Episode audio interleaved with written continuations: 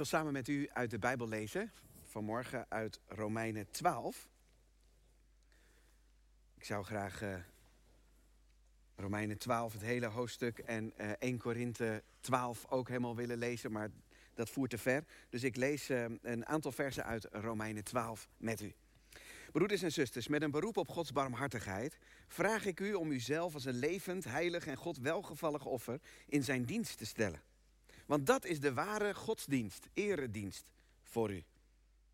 U moet uzelf niet aanpassen aan deze wereld, maar veranderen door uw gezindheid te vernieuwen, om zo te ontdekken wat God van u wil en wat goed, volmaakt en hem welgevallig is. Met een beroep op de genade die mij geschonken is, zeg ik u allen dat u zichzelf niet hoger moet aanslaan dan u kunt verantwoorden, maar verstandig over uzelf moet denken. Denk overeenkomstig het geloof dat is de maatstaf die God u gegeven heeft. Zoals ons ene lichaam vele delen heeft en die delen niet allemaal dezelfde functie hebben, zo zijn we samen één lichaam in Christus. En zijn we, ieder apart, elkaars lichaamsdelen. We hebben verschillende gaven, onderscheiden naar de genade die geschonken is. Wie de gave heeft om te profiteren, moet die in overeenstemming met het geloof gebruiken. Wie de gave heeft om bijstand te verlenen, moet bijstand verlenen. En wie de gave heeft te onderwijzen, moet onderwijzen. Wie de gave heeft te troosten, moet troosten. En wie iets weggeeft, moet dat zonder bijbedoelingen doen. Wie leiding geeft, moet dat doen met volle inzet. Wie barmhartigheid voor een ander is, wie barmhartig voor een ander is, moet daarin blijmoedig zijn. En laat uw liefde oprecht zijn. Verafschuw het kwaad, wees het goede toegedaan. Heb elkaar lief met, met de innige liefde van broeders en zusters. En acht de ander hoger dan uzelf. Laat uw enthousiasme niet bekoelen, maar laat u aanvuren door de Heilige Geest. Dien de Heer. Wees verheugd in de hoop die u hebt. Wees standvastig wanneer u tegenspoed ondervond. En bid onophoudelijk. Bekommer u om de noden van de heiligen en wees gastvrij. Zegen uw volgers, vervolgers, zegen hen, vervloek hen niet. Tot zover het gedeelte wat we vandaag lezen um, en waar we een moment stil bij staan. Want ik denk dat het belangrijk is dat we stilstaan vanmorgen bij het lichaam van Christus. En dat zijn de gelovigen. Op het moment als Jezus dat zelf zegt in um, Marcus 3, uh, dat hij uh, eigenlijk geroepen wordt om thuis te eten, van joh, je moeder en je broers die zoeken je. En dan zegt Jezus deze wonderlijke dingen. Dan zegt hij: Wie zijn mijn broers en wie is mijn moeder? Jullie zijn dat. Iedereen die de wil van de Vader doet. Die is mijn broer, die is mijn zus, die is mijn moeder. Dus Jezus die zegt eigenlijk vervolgens wie in, het, in dat koninkrijk van God stapt, wie de wil van de Vader doet met mij, die is mijn familie. was vanmorgen leuk, we stonden daar te praten. Toen zei iemand tegen uh, de, de vertrekkende zangleider... van joh, jij, jij, lijkt wel de broer van Bert. Jullie, toen vroeg ik nog, wie zou dan ouder zijn? Daar werd geen uitspraak over gedaan. Hè? Um, maar, maar eigenlijk, je, je lijken wel broers. Ja, dat klopt ook, zei ik. Dat zijn we ook. Dus, dus dat is het. Broeders en zusters. En, de, en um, dat is het lichaam van Christus. De Bijbel werkt nooit zo met dat solistische. Hij begint wel, God begint wel bij een solist namelijk een solist, egoïst enzovoort als jij bent, erbij te halen. Maar hij houdt het nooit op dat solistische. Hij doet dat altijd weer koppelen met de rest. En dat staat een beetje haaks op onze cultuur. Want in deze individualistische cultuur worden we opgevoed, ook uh, als jongeren, in het eigen kracht denken. Jij moet zelfstandig zijn en jij moet onafhankelijk van de ander een succes kunnen maken van je leven. En in de Bijbel en in de kerk is dat totale onzin, nonsens. Daarmee beleiden we in de kerk eigenlijk, zonder die ander ben ik niks. Dan ben ik gewoon een afgehakt vingertje wat daar op de grond ligt, wat een kwestie van tijd is en daarna is het dood. Geamputeerd, klaar. Die vinger gaat het niet meer doen. Dat is het, als gelovigen, zonder die anderen zijn we niks. We, we zijn dus niet op weg naar totale onafhankelijkheid in het geloof. Maar we zijn als in het lichaam van Christus op weg naar totale afhankelijkheid van Jezus en elkaar. En dat geeft een heel ander perspectief op gemeente zijn. Misschien wel anders als je voor coronatijd had. Maar mocht je in coronatijd de Heer Jezus hebben leren kennen, dan staat het er helemaal haaks op, op wat je denkt.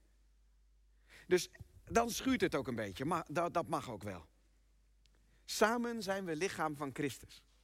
Als God uh, Abraham roept, dan zegt hij al, ik zal een volk maken. Nou, dan gaat hij met zijn volk, Israël, onder leiding van Mozes, onderweg. En dan komen ze in de woestijn en dan hebben ze met elkaar te dealen. Ja, we hebben elkaar niet uitgekozen. Maar ja, we zijn nou eenmaal familie. Dus dan doen we het met elkaar. En het lastige in 2022 is als we dan de christelijke familie hebben, de christelijke kerk hebben. Als het ene mij niet zint, zoek ik het wel even ergens anders. Dat is een beetje lastig. Maar in principe is de toewijding gewoon, het is mijn familie. Dus God brengt die ander, die lastpost, op mijn pad als de genadetrainer voor mij. De mensen die ik in de gemeente waar ik werk het moeilijkste vind en het moeilijkste mee samen vind werken, dat is de ultieme genadetrainer voor mij. Het is gewoon de test elke keer weer. En elke keer heb ik weer te weinig liefde. En dan moet ik weer naar de Heere God toe en dan zeg ik, Heere God, wilt u mij liefde geven voor die, voor die broeder of zuster, die genadetrainer voor mij. En zo groeien. Eén lichaam, één familie. En in die familie hebben we één ding hetzelfde. Niet altijd standpunten hetzelfde. Niet altijd de haarkleur hetzelfde of wat soort dingen. Maar we hebben één ding hetzelfde. En daar beginnen we even. Jezus zei wie de wil van mijn vader doet. De vader zei, dit is mijn geliefde. In hem vind ik mijn grote vreugde. Luister naar hem. Dat is het uitgangspunt. Zoals God ons lucht, leven, adem ingeblazen heeft bij Adam. En wij levende mensen, Adams kinderen geworden zijn. Zo zijn gelovigen opnieuw tot leven gekomen, door een, niet door de adem van God, dat kun je ook zeggen, door de Heilige Geest. Maar ik wil het vandaag anders zeggen, doordat we door het bloed van Jezus Christus. Door zijn sterven aan het kruis, het is nu de lijdenstijd, is er nieuw leven, een nieuw lichaam, een nieuwe familie ontstaan. Pakte de Heer Jezus niet bij, bij, toen hij Pascha vierde dat ene brood. En zei hij niet, dit, dit, dit brood is mijn lichaam. En het wordt gebroken voor u. Nou, en dan maken we daar vaak van in de kerk, en dat is natuurlijk helemaal niet waar. Dat we zeggen van ja, zo is lichaam, Jezus lichaam gebroken voor jou en mij. Maar heel eerlijk gezegd, Jezus lichaam is helemaal niet gebroken. Het is wel als de wijn, uh, wijn vloeit, dat zo zijn bloed gevloeid heeft. Maar Jezus lichaam, we lezen juist dat ze zijn beenderen niet braken. Maar, kijk eens even mee naar het avondmaal waar je ziet op het moment als Jezus daar met zijn discipelen voor zijn lijden en sterven bij elkaar is. En hij neemt dat brood en hij breekt dat en hij geeft iedereen een stukje daarvan. En samen zijn ze één brood. Jullie zijn mijn lichaam. Dit is mijn lichaam. En het wordt verbroken. Denk er maar aan als je binnenkort avondmaal viert in de gemeente. Eén brood. één lichaam. Wij de leden hier. Van dat ene lichaam. Dankzij Jezus bloed. Dus gelovigen hebben samen één bloedband. Het is niet zomaar een band. We hebben niet een soort geloofsband van nou ik geloof het wel. Nee, we hebben geloof in het bloed van Jezus wat reinigt ons van alle zonden, wat verzoening, vergeving geeft, wat nieuw leven geeft. En elke broeder en zuster die zo vertrouwt op het offer van Jezus, leeft vanuit dezelfde bloedband. Dat hebben we gemeen. Eenzelfde bloedband. En onze enige reactie daarop, op dat wat Jezus heeft gedaan, en dat heeft Paulus in, eh, naar de gemeente in Rome van hoofdstuk 1 tot en met hoofdstuk 11 uit de doeken gedaan, wat dat allemaal Gods masterplan is, wat God allemaal gedaan heeft. Dan zegt Paulus, en nu ga ik op de knieën voor de gemeente. De gemeente waarin de Joden bijeengekomen waren, die waren er weer bijgekomen in Rome, want die werden eerst verdreven door de keizer. Ehm, en, en die mochten toen de keizer dood was, Rome weer in. En je kan je voorstellen, ze waren een tijdje weg geweest. Dus er was een, daar, daar zaten alleen nog maar van die heidense christenen. En die Joodse christenen waren weg geweest. En ze kwamen terug en ze dachten van, ja, maar het is hier een hele hoop veranderd in tussentijd. Na hun lockdown komen ze terug en de gemeente is opeens veranderd. Hele andere uitstraling. Dus zij zeiden, nee, dit moet zo. En er ontstond strijd, wrijving. En Paulus hoorde daarvan en de gemeente van Christus ging hem sowieso aan zijn hart. En zeker ook in Rome, want hij had er al heel vaak heen willen gaan. Hij was er nog nooit geweest. En, en, en toen zegt hij in Romeinen 12, we hebben het net gelezen. Ik bid jullie. Niet zomaar ik vraag jullie, maar ik bid jullie bij de ontfermingen van God. Bij Gods open, open hart voor jullie. En dan vraag ik jullie, dan smeek ik jullie dit. Ik zal het je nog een keer voorlezen. Met een beroep op Gods barmhartigheid vraag ik u om uzelf als een levend, heilig en God welgevallig offer in zijn dienst te stellen. Dit gaat dus niet om, om, om een dienaar van het woord of zo. Dit gaat om de gemeente. En hij doet een oproep aan iedereen in de gemeente om dezelfde dingen te doen, dezelfde actie, om jezelf als een offer aan God te geven. Even voor de helderheid. Het zondoffer, het schuldoffer, het vredesoffer, et cetera, gaat hier, bedoelt Paulus niet. Al die offers zijn volbracht in Christus. Jezus heeft het schuldoffer voor ons gebracht. Zijn bloed is de band die wij hebben en het is al betaald. Jezus heeft verzoening gebracht. Dus niet dat offer. Welk offer dan wel? We mogen onszelf toewijden als we zoveel genade bij Jezus zien. Dat we denken, God zo groot, u voor mij, hier ben ik. Ik stel mijn lichaam als een dankoffer voor u. Het is een dankoffer. Om u te bedanken voor wat u gedaan hebt. U heeft, u heeft mij gered. U zorgt zo goed voor mij. U, u heeft alles, maar dan ook alles gedaan. Er ligt geen strobreed in de weg om naar u toe te gaan. Heeft u gedaan? Nou, dan ben ik hier. Als u zo goed voor mij bent, dan wijd ik mij ook aan u toe. En die toewijding, die is nodig. Zegt Paulus, voor elke broeder en zuster, vanuit Gods barmhartigheid doe ik de oproep. En ik namens, namens Paulus en Jezus hier in Vathorst, wijd jezelf als een dankoffer aan God. Helemaal. Heilig, apart gezet. Ik ben van God. Ik ga niet mee met de wereld. Ik ga niet mee met het allemaal het gedachtegoed dat ik het belangrijkste is. Nee, ik ben. Daar leef ik voor.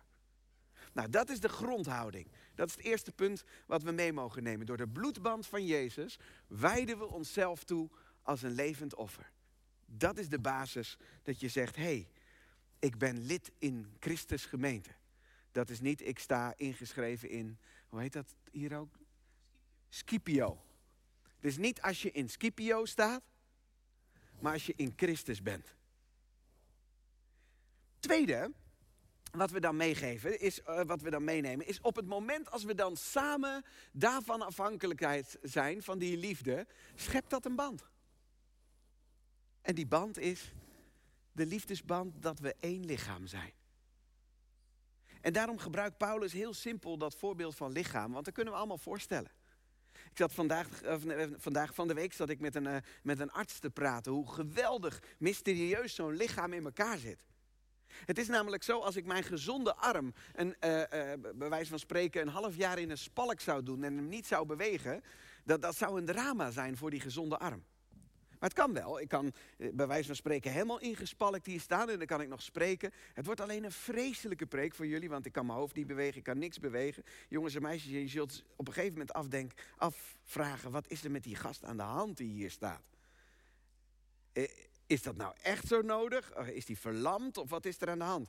En je hebt van die mensen, die, die hebben dat echt. Maar stel je voor dat ik ingespalkt ben en ik heb dat niet echt. Dat is erg. Dan, dan maak ik mezelf gehandicapt, terwijl ik helemaal niks heb. En je voelt al, dat is heel raar als ik je zo aan zit te kijken, zo. Dat is heel gek. En, en ik, ik, heb soms het idee dat we zo als gemeente functioneren. Uh, iedereen die is er wel een beetje, zit er wel een beetje in liefde aan. Maar, maar we staan dan een beetje zo te staan. En de bedoeling is dat dat lichaam beweegt en elkaar helpt en het, het ondersteunt. hetzelfde, dat zag ik net gebeuren. Dat is geweldig dat zo'n beamer dan uitvalt hier hè? In, de, in, de, in de dienst. Dat vind ik echt prachtig. Jullie vonden het niet leuk, maar ik vond het wel leuk. Want ik dacht, dit is nou typisch een voorbeeld. Want wat deed de, de zangleider hier af en toe? Die ging even het regeltje zeggen wat jullie moesten zingen. Dat is geen evangelisch trucje dus. Dat is gewoon als de beamer uitvalt, doe je dat. Ja?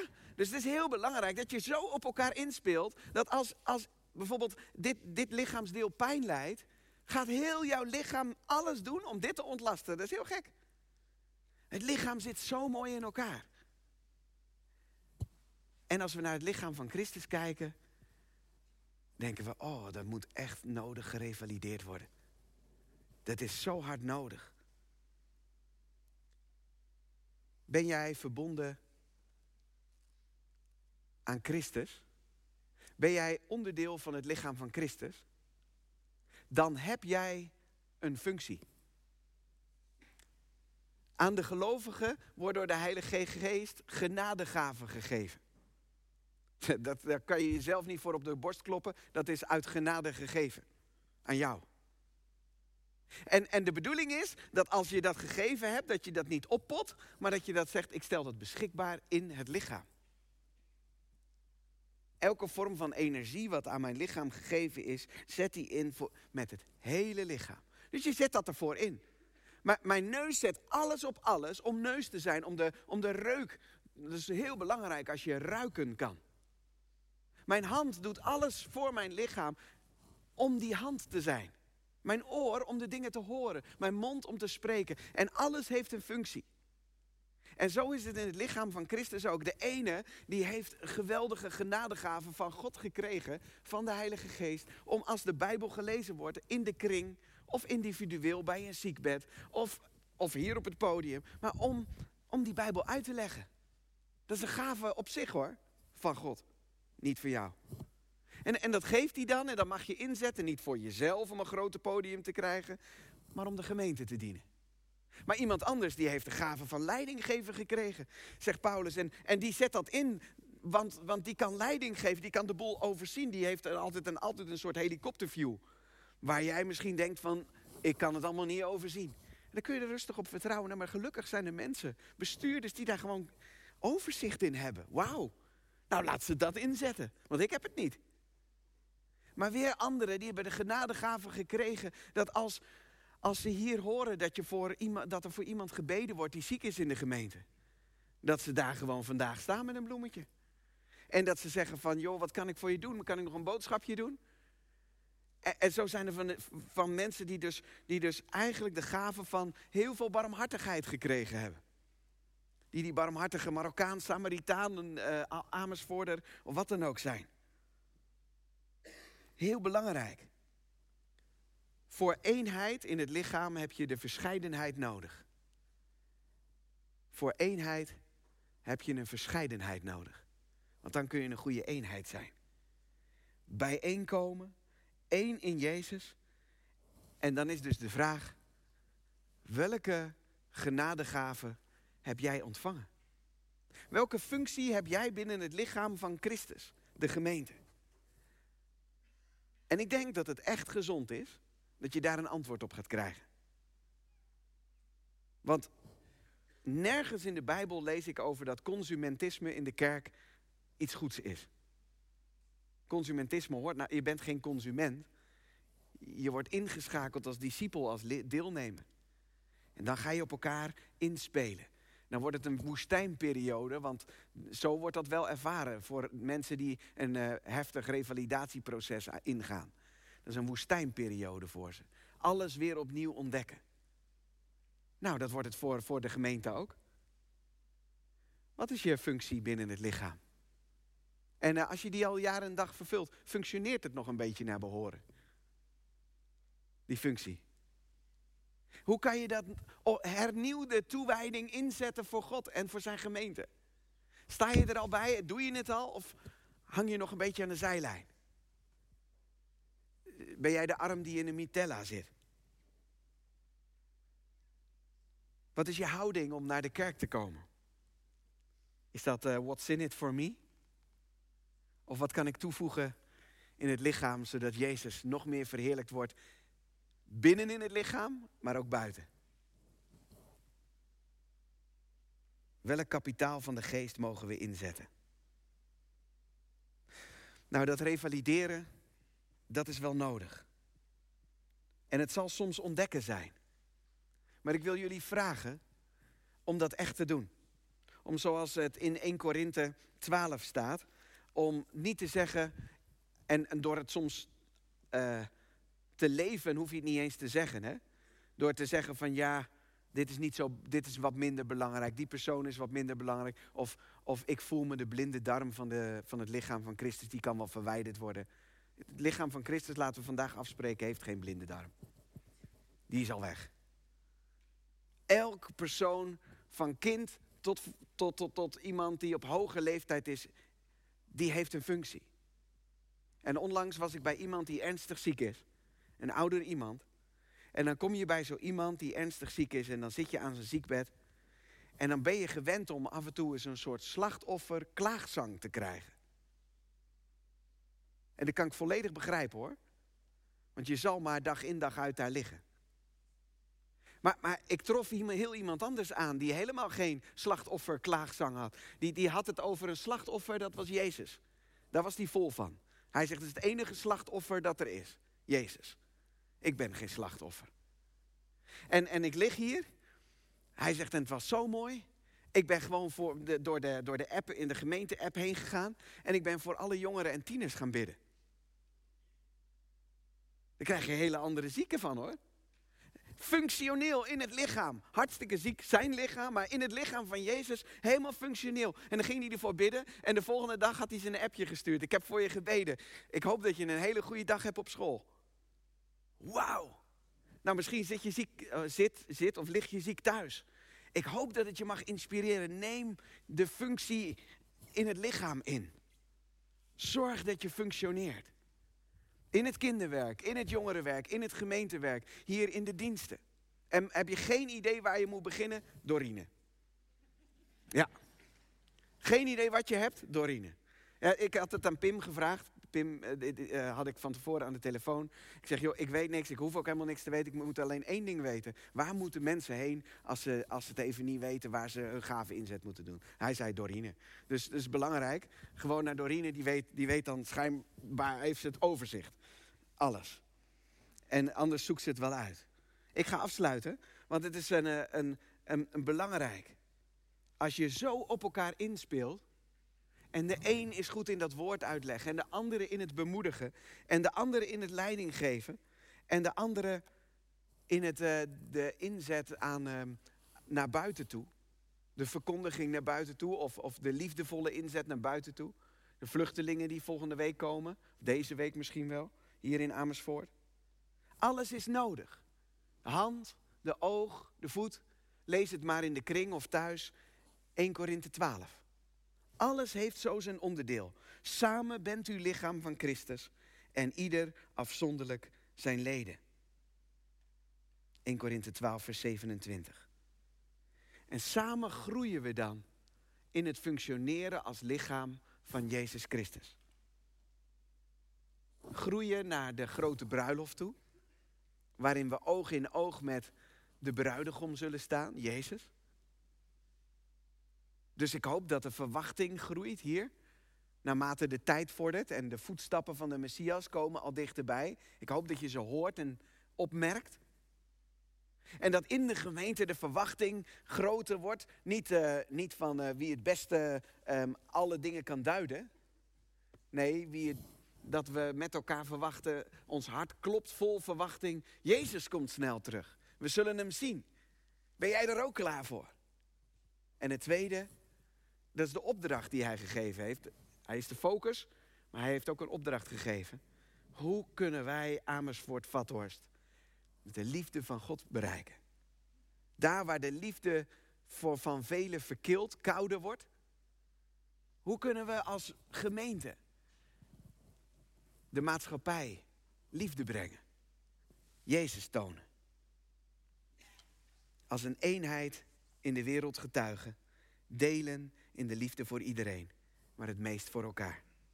Ik sluit af met een kort getuigenis. Ik heb hier al eerder verteld over mijn overbuurvrouw. Toen ik het over shalom had. In het eh, najaar, afgelopen najaar. Mijn overbuurvrouw heeft in eh, september de Heer Jezus leren kennen als een, als een vurige atheïst die zij was. Opgevoed door een uh, stiefvader die moslim was, heeft ze dat hele godsbestaan afgezworen. En ze was gesloten, haar huis, haar hart, haar hoofd, voor alles en iedereen. Ze hoefde niemand.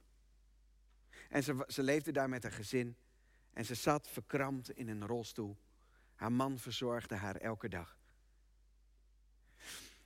En in september brak het licht door. Christus, het licht van de wereld. Ze leerden hem kennen. Het was gewoon tussen twee pastorale gesprekken in, bij de IKEA, hier in Amersfoort op de bekeerplek.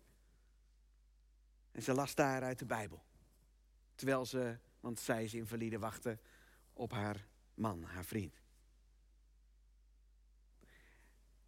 En de deur stond open naar Jezus. En die ging ze in. En vervolgens kwam ze op de discipelschapsgroep terecht.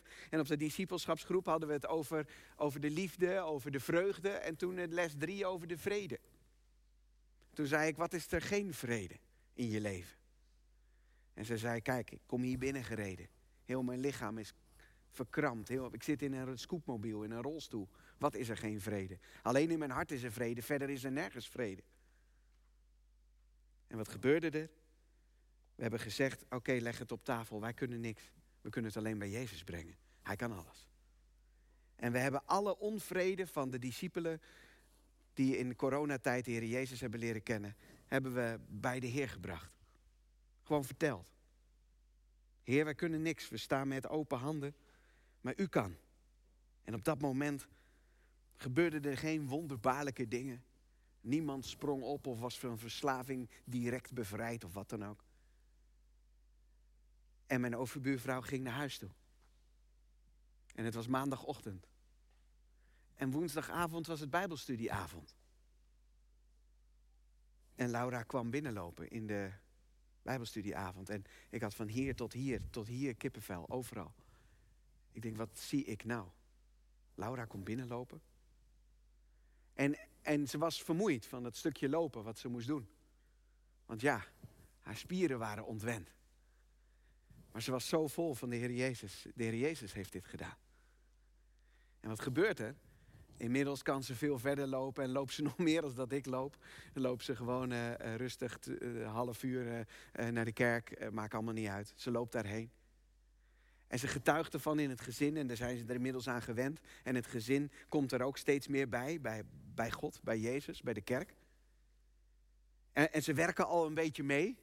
Al is het misschien nog wat houterig en misschien nog niet verbonden door die bloedband. Dat komt hopelijk. Maar wat gebeurde er deze week? Deze week hoorde ik van drie buren. Van, want ik woon daar. Dus ik kijk erop en ik hoor van de buur. Ik hoorde van drie buren. Die zeiden van wat is er met jou aan de hand? Jij kon niet lopen en nu loop je. En je hebt zo'n fijne aura om je heen. Uh, wazig verhaal natuurlijk. Maar toen zei ze, ja, maar dat is geen aura hoor. Ik heb Jezus gevonden. En Jezus die heeft dit gedaan. En Jezus die heeft mij zoveel vrede en blijdschap gegeven. En ze staat bekend als, inmiddels als een van de hartelijkste mensen in de buurt. Ze gaat iedere ochtend en iedere avond naar een oudere vrouw toe. Om, om even, even haar steunkousen aan en uit te doen. Want anders is die oudere vrouw al voor de hele dag moe als ze die aangedaan heeft. Elke dag. Heel indrukwekkend. En van de week was het moment dat ik in mijn tuinstoel zat. En ik keek op dat huis en de deur ging open. En de rolstoel en de scootmobiel en alle steun- en hulpdingen werden naar buiten gereden. En ik dacht, dank u Heer. Maar wilt u het de gemeente in Almere en de gemeente in Amersfoort? Wilt, wilt u dat ook geven? Dat het lichaam van u niet meer als een invalide rondloopt. Maar wilt u dat wonder doen? Dat we de boel naar buiten kunnen rijden en dat we kunnen functioneren. En het staat of valt met u. Dat allereerste begin. I give myself away to you. So you can use me. Ik geef mijzelf aan u. Zodat u mij kan gebruiken. Voor de glorie van uw naam. De uitbreiding van uw koninkrijk. En dat in ons en door ons heen uw wil wordt gedaan. Amen. Ik wil samen met u God danken.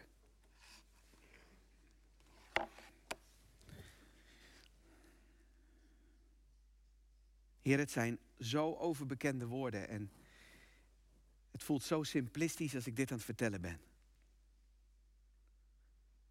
Maar schijnbaar moest Paulus het tegen elke gemeente vertellen en moet het ook hier en in Almere en op allerlei andere plekken ook verteld worden. Heren, want we willen het u beleiden. We zijn zo snel op ons ikken gericht en op, op mijn geloofsleven. En dat, dat ik even kan halen wat erin is voor mij. Maar vanmorgen willen we tegen u zeggen, hier zijn wij.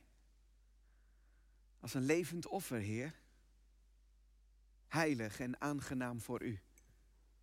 Gebruik ons. Zet ons in en zet ons op de juiste plek in het lichaam. Dat we kunnen werken als één lichaam, aangevuurd door uw Heilige Geest. Vol van uw liefde, met elkaar verbonden.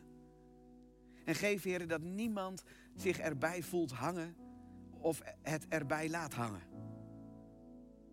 Maar geef, Heer, dat we samen verbonden zijn als één gemeente, als één kerk, als het lichaam van U, Heer Jezus, in Amersfoort.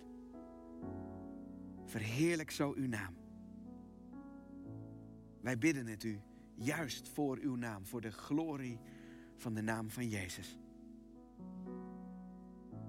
Help ons bij het revalideren in de woestijn. En maak ons klaar voor het moment dat u terugkomt. Zoals Israël het beloofde land in mocht gaan. Dat we u in de armen mogen sluiten. Face to face u mogen ontmoeten. Wat een moment zal dat zijn. En laat de buren en iedereen die hier omheen woont erbij mogen zijn, Heer. In Jezus' naam. Amen.